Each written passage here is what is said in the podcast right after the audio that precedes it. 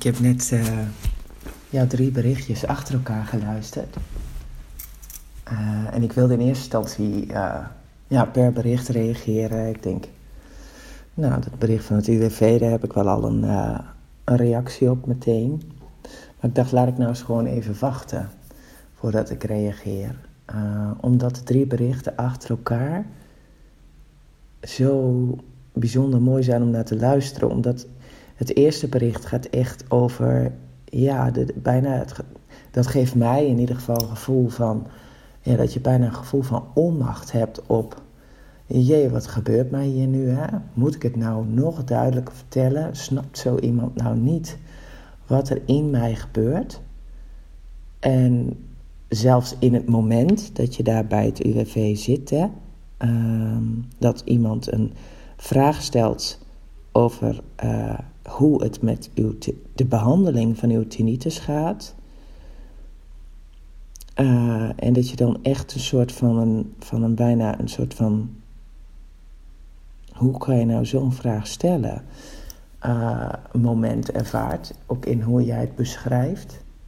En ik heb natuurlijk een aantal berichten van jou geluisterd die gaan over de tinnitus en wat dat in jouw hoofd doet en hoe zich dat, ja, eh, in welke vorm dat komt.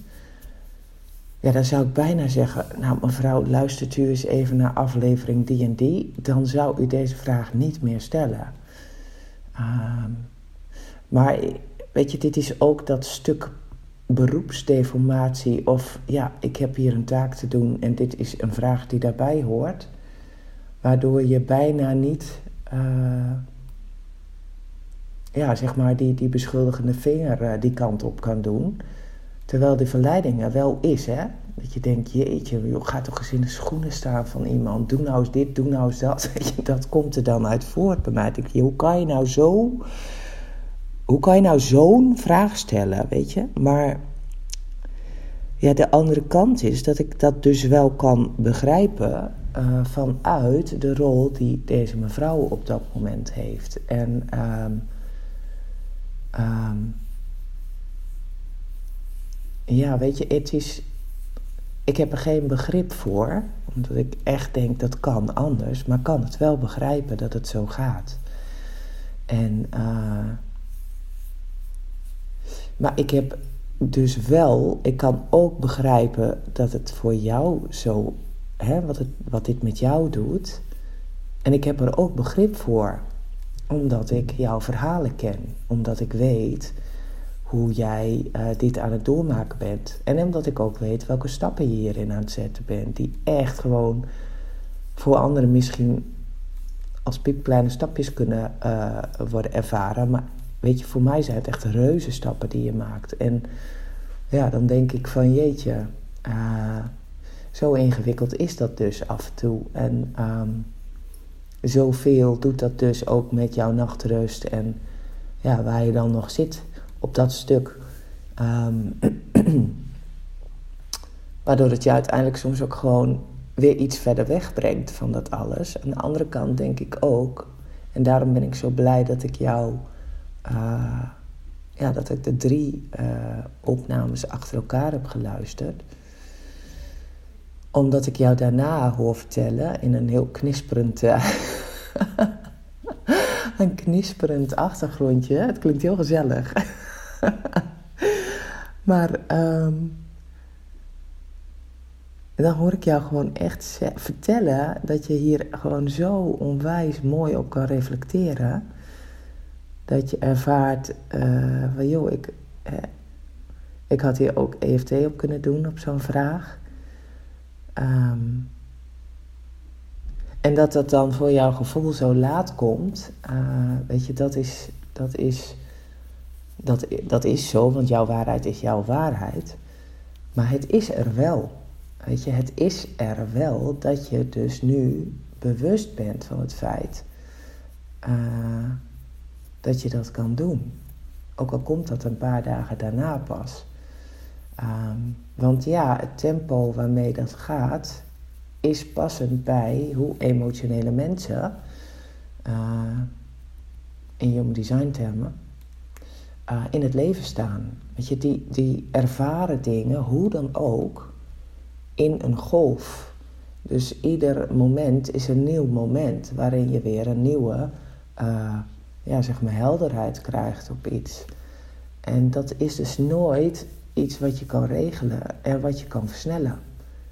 Dus voor mij is het juist heel erg een teken dat jij uh, steeds dichter bij jezelf aan het komen bent.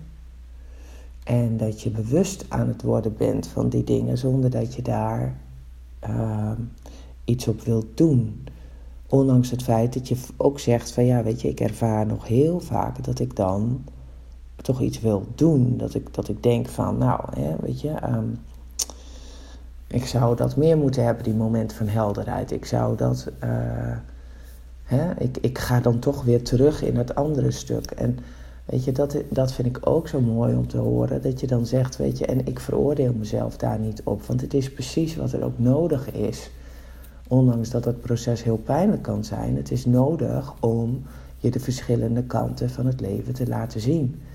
En zodra je als die passagier achter in die auto kan gaan zitten en het kan observeren, als zijnde iets dat er gewoon is en wat gebeurt, ehm, waar je dan op dat moment dus ook geen besluit over hoeft te nemen.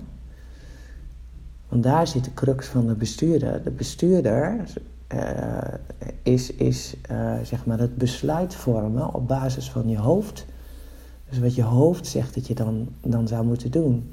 En zolang jij achter in een auto blijft zitten en niet uh, de stap naar voren zet om het stuur even over te nemen, omdat je hoofd zegt dat je dat zou moeten doen, ben je nog steeds een passagier. Uh, en zit je achter in die auto en observeer je wat er gebeurt. En observeer je ook in je lijf wat er gebeurt. Uh, zonder dat je daar allerlei uh, ja, handelingen in gaat doen uh, die je hoofd zegt dat je zou moeten doen. Want ehm, als jij toen niet hebt gevoeld in jouw lijf dat er iets was waarop jij EFT eh, e kon toepassen, dan is dat op dat moment dus ook niet iets wat er te doen was om jou in dit stuk inzichten te bieden. En zodra je daarin met je hoofd zou hebben besloten van ja, nu kan je EFT uh, doen. Want dit is zo'n ding, daar kan je EFT op doen. Ga dat maar doen, want dat gaat helpen. Dan zul je zien, en dat is dus op basis van je hoofd een besluit nemen op iets wat je denkt dat je verlichting geeft. En wat je vervolgens toch niet de verlichting geeft. Omdat er een ander proces gaande is waar je iets op hebt te doen, namelijk in het observeren van deze dingen uh, ernaar kijken en het als een uh, scène, uh, zeg maar, in je levensfilm te beschouwen. Waar je alleen maar naar hoeft te kijken en verder niets in hoeft te doen. En daarom zeg ik ook altijd hoe onvoorstelbaar moedig het is om je experiment te leven. En om heel, heel, heel dicht bij jezelf te blijven. Ondanks het feit dat je van alles in je lijf voelt. En ondanks het feit dat je die dat hoofd maar op de achtergrond hebt staan, wat zegt: Zo, ik kom er wel even bij. Ik zal jou wel eens even adviseren wat je dan moet doen, want ik weet hoe het moet. En zich dan vervolgens ook geen moment afvraagt om excuses aan te bieden dat het toch even niet werkte, weet je wel. Dus ja, ik. Uh, voor mij in, in is het luisteren naar de verhalen die jij hebt zo onvoorstelbaar uh, leerzaam in uh, analyseren waar dat dan, hoe dat dan zit vanuit human design en hoe zich dat vorm kan geven. Um, of hoe zich dat kan vormen, zeg maar. dat ik daar ook echt dankbaar ben dat je die verhalen zo deelt, maar ook de inzichten die je daar zelf in ervaart. Je bent zo'n bewust mens. Uh, er zijn er niet veel van.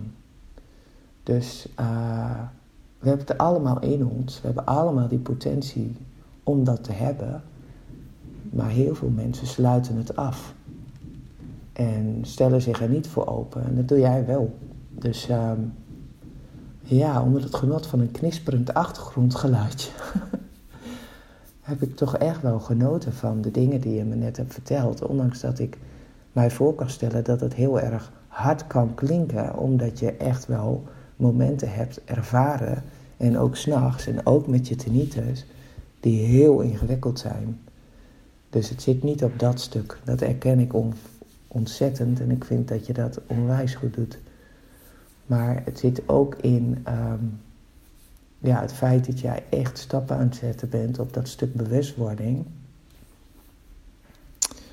Waar niet veel mensen zijn. Uh, dus dat wilde ik ook, ja, dat wilde ik toch even met je delen. Um, uh, ja, daar, uh, daar zou ik ook graag komen. uh, en niet vanuit omdat mijn mind zegt dat moet doen, maar ik mag rustig wachten. dat dat, dat voorbij komt. ik denk dat ik het ook wel aan het doen ben, ook in relatie tot mijn eigen situatie. In waar ik zelf natuurlijk in zit in relatie tot het verlies van, van mijn echtgenoot begin dit jaar of half jaar, de eerste kwartaal van dit jaar. Wat dat met mijn kinderen doet, uh, hoe ze zich daarin staande houden, ook door heel erg in het moment te zijn, in respons te leven. En ehm, dat ik daarin ook gewoon ervaar dat ze dat zelf ontzettend fijn vinden om ook ehm, daarin gezien te worden. Gisteren was een van mijn dochters, nou, die was echt zo verkouden als een. Ja, wat is het meest verkoudene wat je kan verzinnen? Dat is zo verkouden was ze. Dus echt onwijs verkouden. Weet je, met van die ogen die bijna niet open konden blijven. En ze zat al klaar om naar school te, te gaan. En uh, nou, weet je, ik, ik zag gewoon dat ze mega ook in een low zat. Dus echt op dat dieptepunt van die emotionele wave. Uh, en um, mijn dochters zijn ook emotioneel, net als ik. En toen zei ik, joh, uh, wil je naar school? En toen zei ze, eigenlijk, toen zei ze nee. Ik zeg, nou, want je, je, hebt niet alleen een hele vette verkoudheid te pakken, maar je zit ook onwijs in je low. Is het niet? Mhm. ik zei, nou dan ga je toch niet? Nee, ik ga ook niet, mama. En um, zij is thuisgebleven gisteren en dat heeft haar onwijs goed gedaan. Alleen al omdat het te respecteren, het is het respecteren van jezelf. En niet uh, je laten leiden door wat er verplicht, uh, ja, wat er van je wordt verwacht, zeg maar, in een verplichting die er feitelijk gewoon niet is. Want je zou over je eigen grenzen heen stappen als je toch zou gaan. Je doet op school eigenlijk niks op. Uh, je bent een, een, drama voor anderen om je heen. Dus waarom zou je dat dan doen? Uh, hiermee bescherm je niet alleen jezelf, maar ook anderen om je heen. En um, weet je dat ik dan terugkrijg van daar, als haar zus wel vertrekt richting school en zwaait en doei doei doei zegt. Uh, dat ze dan tegen mij zegt, mama ik vind het zo fijn dat jij dit gewoon ziet. Dat je dit erkent en dat je er begrip voor hebt en dat jij ja, ons daar de ruimte in geeft. Weet je, dus dat, dat was voor mij gewoon een gevoel van totale voldoening in het moederschap. dat je je kinderen ziet in wie ze zijn, hoe ze het leven ervaren en dat ze geen redenen zoeken voor ja, hoe ze zich voelen, maar dat ze zich daaraan kunnen overgeven. en ehm, ja, weet je, dat dat gewoon er mag zijn. Ze is vervolgens aan de slag gegaan met, ja, in de creativiteit, want dat werkt onwijs goed. In het bouwen van een of andere surprise die ze morgen, morgen hebben op school Sinterklaas. En, het is volgens mij alleen het eerste jaar waarin ze dat nog doen. Uh, maar dan hebben ze surprises en uh, zij heeft een meisje of een, ja, een klasgenoot die, een medestudent moet je zeggen, want het is natuurlijk voortge voortgezet onderwijs. um, maar um, die is helemaal van de paarden en zij heeft een, een box gemaakt waar dan zo'n paard in kan. Het is gewoon zo onwijs mooi geworden. En gisteren was aan het eind van de dag was ze weer, uh, was ze weer prima, weet je. Ze zegt, morgen ga ik weer naar school. En uh, dat, is ook, dat klopt. Ze is vanochtend weer uh, naar school gegaan. En die verkoudheid was nog niet over, maar haar low wel. En dat maakt dat je dan met een ander gevoel naar school kan. Wat meer passend is bij hoe je dan vervolgens ook de dag ervaart en beleeft en wat je dan opneemt. Dus ja, dit is voor mij gewoon onwijs mooi om te zien en het voelt voor mij als moeder uh, um, erkennend in mijn moederschap. Um, en ook in het staan voor mijn kinderen dat zij mogen zijn wie ze zijn. Net als dat ik dat mag zijn wie ik ben en dat iedereen dat mag. Um, het is gewoon een recht om jezelf te zijn. ja. Nou, dat waren even mijn uh, bespiegelingen. Ik uh, denk dat ik even een kop koffie uh, neem en um, verder ga met dat waarmee ik bezig was. Dank je wel weer voor jouw wijze inzichten in het leven. En dat je die met ons wilt delen.